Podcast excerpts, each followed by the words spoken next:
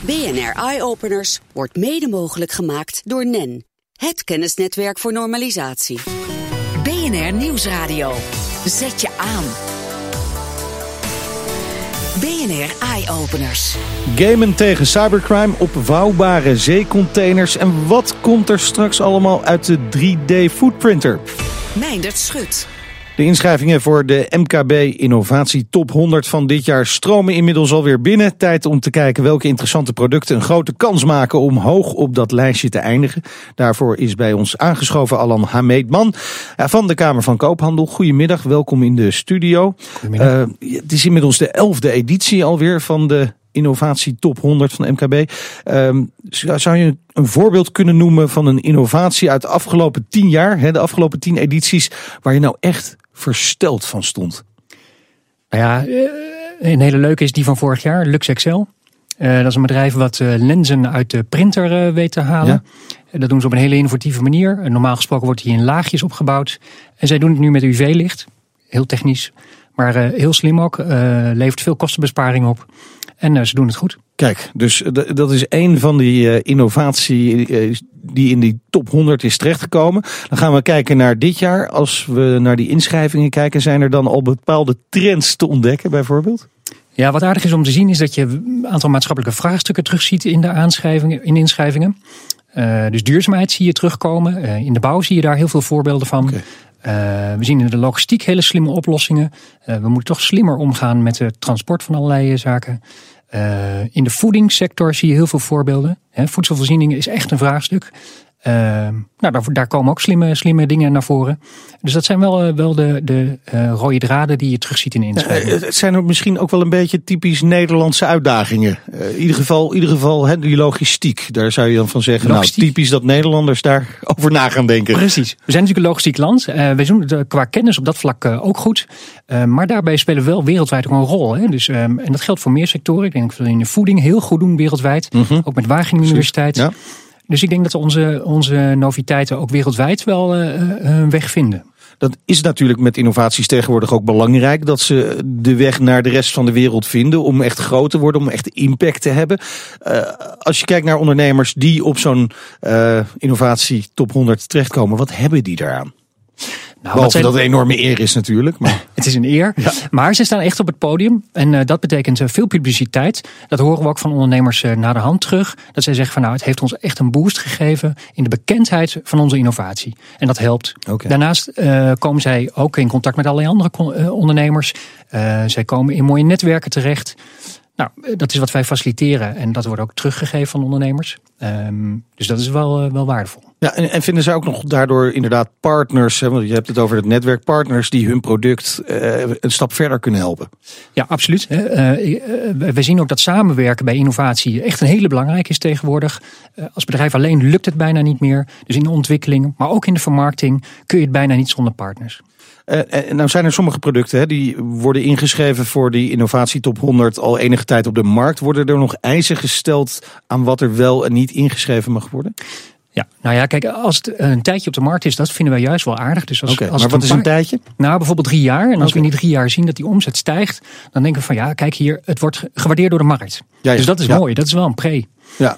Um, ja. ja, dus oké, okay, dus dat mag drie jaar op de markt, dan mag het nog. Als het langer dan drie jaar is, dan kun je het. Ja, je moet nog wel in de beginfase zitten. Precies, dat okay. is wel heel belangrijk. Goed, nou hebben uh, jullie voor ons alvast twee leuke inschrijvingen uitgezocht. Die volgens jullie een grote kans maken. Een opvouwbare zeecontainer uh, en een drijvende hot tub. Uh, aan de lijn heb ik als het goed is Simon Bosgieter. En hij is dan van Holland Container Innovations Nederland. goedemiddag. Goedemiddag. Ja, jullie hebben opvouwbare zeecontainers bedacht. Wat is daar precies het voordeel van? Het grote voordeel is dat je in, in wereldwijd ontzettend veel leegtransport hebt. En ik kan je indenken, als je een container kunt inklappen, dan kun je er vier tegelijk vervoeren, waardoor je heel veel uh, containertransport bespaart. Ja, dat scheelt natuurlijk heel erg. Maar is het ook een beetje makkelijk? Uh, nou, je, met ons concept kun je de container binnen vier minuten in- of uitvouwen. Uh, met standaard equipment uh, beschikbaar in de havens. Wat, wat voor equipment is er dan voor nodig? Want je kan me ook voorstellen, we laten gewoon het plafond zakken en de, de zijkanten naar binnen vallen en dan ben je klaar. Nou, zo simpel is het eigenlijk ook. Je, hebt iets nodig om het dak op te tillen. Ja? Eh, maar met de filosofie dat je een container kunt optillen, kun je ook het dak optillen. Dus vandaar dat het ook gewoon overal op de wereld heel simpel in of uit te vouwen is. Ja, dus overal ter wereld vrij gemakkelijk te doen, binnen vier minuten. Eh, nu gaan Ja. heel veel lege zeecontainers gewoon eh, met al die omvang mee terug op die eh, containerschepen. Dus die impact van deze innovatie kan enorm zijn. Hoe, hoe groot is de markt? Ja, dat is echt een bizar grote markt. Als je kijkt naar het wereldwijd eh, leegtransport, is ongeveer 25 miljard euro aan kosten alleen om lege containers van A naar B te schepen. Grootste exportproduct ter wereld is lucht. Ehm, als, je, als je kijkt naar eh, het Europese achterland, is ongeveer gemiddeld 40% leeg wat vervoerd wordt. En op zee is dat gemiddeld 20%, maar er zijn ook routes te bedenken waar gewoon 50% leeg is. Ehm, als je vanuit Engeland naar het vasteland transporteert bijvoorbeeld, eh, is bijna alles leeg wat teruggaat. Oké, nou, nou zijn jullie, de naam is al Holland Container Innovations Nederland. Is dit jullie enige product of hebben jullie nog meer slimme ideeën over containervervoer? Momenteel eh, focussen we ons echt op deze 40 foot Highcube. Ja. En ehm, dat is dus nu ons enige product. In de toekomst zullen we andere eh, innovatieve containerconcepten ontwikkelen. Nou, we blijven jullie dan ook in de gaten houden. We blijven ook even op het water, misschien ook wel een beetje in het water. Want eh, Frank de Bruin van het bedrijf Supergoed, jullie hebben iets leuks bedacht voor mensen die van bubbelen houden. Vertel. Ja, eh goedemiddag. Eh, ja, we hebben een, eh, een varende hot tub eh, ontwikkeld. Een varende hot tub. Ja, een hot tub, zodat je niet gebonden bent aan je eigen achtertuin, maar dat je lekker ook eh, het meer op kan eh, met je hot tub. Oh, lekker met de bubbels, met champagne mee, een hapje eten en in het warme water lekker door de grachten van Amsterdam drijven. Daar gaat het op neerkomen. Ja, nou ja, het kan ook een eh, mooi eh, natuurreservaat in Amerika zijn natuurlijk. Ja, precies. Ja, het kan overal ter wereld als er maar water is natuurlijk. En, Ja. en, en hoe werkt het precies? Is het gewoon eigenlijk een soort boot waar je water in pompt en dan, dan ga je? Eh, ja, je, je doet water in de boot. Er zit een speciale houtkachel in die het water verwarmt. Eh, hij is elektrisch aangedreven, zodat het heel lekker stil is. Je het wel ontspannen en geen herrie hebben en stank. En ehm, ja, dan, eh, dan, ga je, dan ga je het water op en, eh, en genieten. Ja, het, klinkt wel een beetje als een speeltje voor eh, de happy few. Hè? De mensen die echt niet meer weten wat ze met hun geld eh, eh, moeten doen. Ze hebben al een boot en eh, nou ja, dan maar eh, een hot eh, erbij die ook kan varen. Of is dit echt voor iedereen bereikbaar? Nee, het is eigenlijk wel voor iedereen bereikbaar. We richten ons toch wel heel erg op, op, op de verhuur. En eh, op verhuur, ja, mensen die willen beginnen. Of bijvoorbeeld eh, hotels of eh, ja, eh, parken die, eh, die wat willen bieden aan hun eh, klanten. En eh, ja, over het algemeen is het, eh, is het heel goed bereikbaar. En eh, voor eh, ja, dikke 100 euro eh, kan je al eh, genieten, zeg maar. Kijk, voor een dikke 100 euro kun je al genieten van deze innovatie. Kans dat die dus eh, op die top 100 innovatielijst eh, Nederland eh, komt. Hartelijk dank aan Simon Bosschieter eh, van de containers en ook Frank de Bruin van de hot tubs. Ehm, heel veel succes beiden om die strijd om een plekje in de lijst. Alan Hameetman van de Kamer van Koophandel, kom even bij jou terug. Ehm, ja, als je naar deze twee innovaties kijkt, de ene heeft echt een enorme impact, hè, die containers. En de andere is ja, toch misschien vooral heel erg leuk. Precies. Kijken Nou ja, jullie daar ook naar, eh, naar, naar de impact van zo'n innovatie? Ja, impact is een van de criteria waar we naar kijken. Ehm, nou de containers, dat is echt evident. Hè. Dat, is, dat gaat ook om hele grote bedragen. Dus als dit slaagt, dan, ehm, dan betekent dit wat wat voor de logistieke wereld. Ja, bijna die een andere Nobelprijs waard eh, als je het zo hoort. Ja, precies. maar ook die andere, vergeet het niet. eh, eh, ehm, ik denk dat we, eh, hè, want op werk zijn er ook heel veel ontwikkelingen. ro- robotisering, dus misschien hebben we straks wel meer vrije tijd. Oh ja.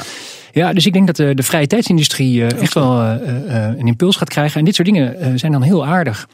Eh, dus ook die is van, eh, van eh, betekenis, denk ik. Ja, het, wat ze gemeen hebben met elkaar is dat ze allebei met water te maken hebben. In een wat andere manier. Maar Ja. ehm, eh, liggen de andere inzendingen ook zo ver uit elkaar? Is- het zo verschillend?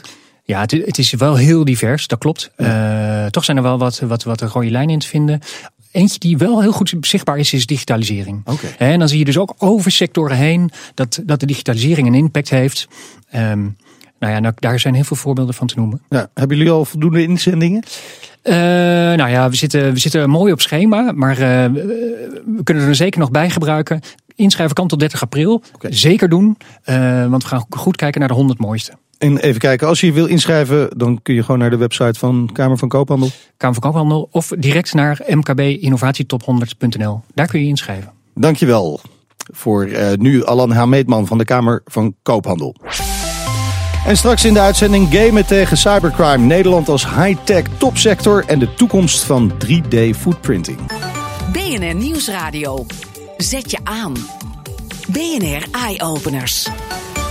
Het beste wapen tegen cybercriminaliteit is een computerspelletje. Dat vinden ze tenminste bij gameontwikkelaar IJsfontein, waar ze het spel Elevator bedachten om werknemers bewust te maken van de gevaren van cybercriminaliteit. BNR-verslaggever Jigo Krant die liet zich door game designer Evert Hogendoorn virtueel omscholen tot cyberdief. We zijn in het eerste level en daar staan we met, uh, ik met mijn collega, mijn medespeler, staan voor de deur van een, van een bedrijf. En we gaan samen naar binnen om te proberen om zoveel mogelijk informatie te vinden waar we kwaad mee kunnen. Wij zijn de slechterikken. Wij zijn de slechterikken, maar we zijn eigenlijk ingehuurd om ons voor te doen als slechterikken. Om te zorgen, om te testen of de security wel goed werkt. Nou, ik ga als eerste naar binnen en ik probeer voorbij de receptie te komen. Nou, dan word ik tegengehouden door de receptioniste. Die, uh, die laat me niet zomaar door. Dus dan ga ik eerst maar eens even met haar praten. Moeten we een smoes verzinnen? Moeten we een smoes verzinnen. Dus uh, even kijken wat zij zegt. Nou, ze wenst mij een goede middag. Foppe Vocht, programmadirecteur van CIO Platform. U zorgt ervoor dat deze game elevator wordt gespeeld in grote bedrijven. Dat klopt. Dat zijn grote bedrijven als KLM, Koninklijke Vopak, PostNL, uh, Luchtverkeersleiding Nederland. Een belangrijke uh, lid, want daar is veiligheid heel belangrijk. En nog veel meer. Maar ik zou toch denken dat die bedrijven hun beveiliging al op orde hebben? Ja, natuurlijk hebben die bedrijven de beveiliging op orde. Maar belangrijk is dat niet alleen beveiliging belangrijk is vanuit technologisch perspectief, maar dat de mens daarin een cruciale factor is. En de mens, daar gaat deze game over. We hebben de wachtkamer weten te bereiken van een bedrijf en daar op tafel ligt een mobiele telefoon zomaar plomp verloren. Daar kunnen we wat mee, denk ik. Die is iemand hier vergeten. Nou, we gaan even bij die telefoon kijken. Um, hij is helaas, uh, zien we hier, uh, uh, beveiligd. We hebben geen code. Nou, dan kunnen we nog wat verder inspecteren. En dat is leuk. Er zit wel een SD-kaartje in. Dus daar, die, ja, die stoppen we gewoon even in onze zak. En dan gaan we even verder kijken wat er nog meer te doen is.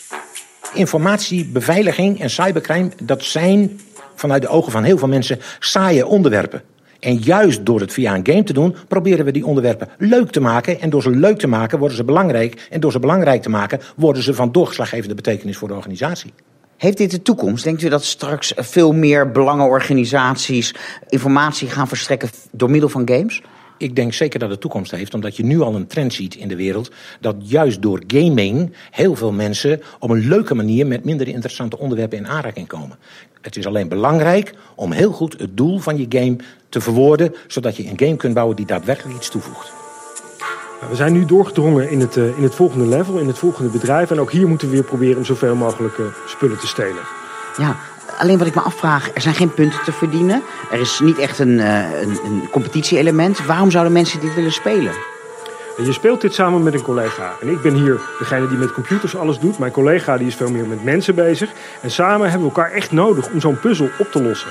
Dus ik ben nu bezig hoe ik nou voorbij die, uh, die receptie kan komen. En ik zie hier de schoonmaakkar staan. Altijd handig. Dus ik ga me nu vermommen als schoonmaker. En daarmee ga ik mij melden. Ja, daar gaat de vermomde schoonmaker. Dat was game designer Evert Hogendoorn van IJsfontein tegen BNR's Jigo Krant. BNR Nieuwsradio. BNR Eye Openers. Uitgeprint voedsel. We beginnen langzaam te wennen aan het idee. Hè? Je biefstukje uit de printer. Maar hoeveel van ons eten komt er straks ook daadwerkelijk uit die printer? Of blijft het bij een paar chocoladevormpjes? We belden even met twee experts tijdens de 3D Foodprinting Conference. Een chocolaatje in elke denkbare vorm. Zo uit de printer, zo op je bord. Dat kan nu al, maar daar blijft het niet bij. Dan zou je kunnen denken aan bijvoorbeeld producten met meerdere componenten. En daar doen wij ook aan de Universiteit onderzoek naar. Waarbij we bijvoorbeeld ingrediënten zodanig distribueren in het product dat je bijvoorbeeld de smaakperceptie eigenlijk kunt verbeteren. Terwijl er bijvoorbeeld minder ongezonde ingrediënten in zitten. Zegt Maarten Schutijzer van de Universiteit van Wageningen. Op een gezonde manier een smaakje toevoegen dus. Maar ook met de structuur kan oneindig worden gespeeld met een kleine kanttekening. Het moet natuurlijk wel als een soort van inkt door de printer kunnen. De materiaaleigenschappen die zijn heel erg belangrijk om eigenlijk een, een goed product te kunnen printen. En daarbij moet het product dus aan de ene kant vloeibaar zijn, maar vervolgens ook snel uh, vast worden. En dat is, ja, die eigenschappen die moet je goed onder controle hebben. En je kunt niet zomaar wat printen. Maar ook op dat gebied is al veel mogelijk. Ziet ook Kjeld van Bommel van TNO. Verschillende soorten printprocessen. En de een gebruikt poeders, een andere vloeistof en de ander gebruikt een soort pasta's of purees. Dus wat dat betreft kun je al redelijk wat doen met de technieken die er zijn. Ik denk dat er gewoon nog veel te weinig bekend is over, over hoe je die materialen moet samenbrengen in printers. Um, hoe je misschien de temperatuur van je printproces of nabehandelingen, ga je het objecten naar stomen of bakken, et cetera, hoe dat allemaal op elkaar ingrijpt. Dat weten we heel goed voor traditioneel broodbakken, et cetera. Maar ja, daar is duizenden jaren over gedaan uh, in, met, door de mensheid, zou ik maar zeggen. En we zijn nu vier, vijf jaar bezig met voedselprinten en we liggen daar heel erg achter om op dezelfde manier producten te maken en dat even goed te begrijpen. Maar denk nou niet meteen dat 3D-printen een, lucratieve bezigheid is. Kijk, het is heel leuk om iets te printen, maar als je, ik noem maar wat, eh, zoals wij in het begin één stukje pasta in 15 minuten print, ja, dat, dat, daar kun je geen business case van maken. Er valt dus nog geen droog brood mee te verdienen.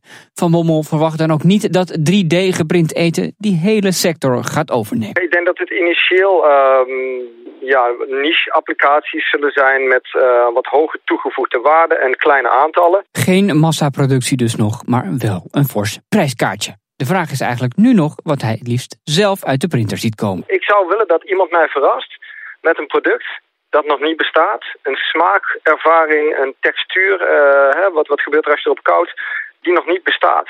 Dus je kunt heel veel producten uh, proberen na te maken of misschien proberen te verbeteren van mooiere stukken chocola of pasta of wat dan ook. Maar ik denk dat er ook producten in de toekomst uit zullen komen waar we nu nog geen idee van hebben. Ik zou willen dat iemand morgen aanklopt en mij verrast en zegt dit is geprint, proef het eens. Het lijkt op niets wat je ooit geproefd hebt. Ja, misschien een mooie uitdaging voor een chef-kok. Je hoorde Kjeld van Bommel en Maarten Schutijzer vanaf de 3D Food Printing Conference in een bijdrage van Jorn Lucas. En normaal gesproken sluiten we de uitzending af met een innovatieadviseur ergens ter wereld. Maar nu waren ze allemaal tegelijk in Nederland tijdens het Holland High Tech Event. Wij waren daar natuurlijk ook bij met eye-openers en vroegen ons af hoe high-tech is Nederland nou eigenlijk? We zijn vandaag eh, bij het Holland High-Tech jaarevenement met BNR Eye-Openers. En naast mij staat eh, Mark Hendriksen. Uh, je bent lid van het topteam high-tech systemen en materialen. Een van de topsectoren door de overheid aangewezen. Hè, die Nederland moet vertegenwoordigen, ook een beetje in het buitenland. En waarom, vroegen wij ons dan af, is Nederland nou het centrum van de high-tech in de wereld? Het zal vast niet het enige centrum in de wereld zijn, maar wel één van de belangrijke, toch? Ja, dat is absoluut waar. En dat, uh, dat heeft eigenlijk te maken met onze Nederlandse cultuur. Wij zijn een van de minst hiërarchische landen ter wereld. Waar degene die iets maakt rechtstreeks kan praten met degene die iets bedenkt. En dat is in veel andere culturen gewoon onmogelijk vanwege de hiërarchie. Maar dat geldt ook horizontaal. Dus degene die elektronica doet, kan heel makkelijk praten met degene die mechanica doet. Sterker nog, hij vindt dat hij beter weet hoe hij anders een probleem moet oplossen. Dat geldt gelukkig wederzijds. Maar dat maakt dat wij altijd tot hele mooie systeemoplossingen komen. Daar zijn wij wereldkampioen in. Nederland is net zo plat als de hiërarchie van het land, dus kennelijk. Uh, en dat biedt voordelen. Ja. Dan moet er ook heel veel uitkomen. Wat, wat gaat de komende tijd de wereld verbazen van wat er uit Nederland komt? Nou, ik denk dat wij, wij, zeggen ook altijd voor de uitdaging, de maatschappelijke uitdaging, voor de oplossing daarvan moet je in Nederland zijn. We hebben hele mooie voorbeelden op het gebied van medische technologie, op het gebied van automotive, op het gebied van cybersecurity. Er wordt veel gesproken natuurlijk over uh, uh, auto's die zelfrijdend zijn. Ik denk dat wij in Nederland daar veel mooiere en betere oplossingen voor hebben. Dat zijn zaken. Zoals? we hebben een testtraject tussen Eindhoven en Helmond... waar gewoon auto's gewoon achter elkaar rijden zonder dat de bestuurder daarbij betrokken is.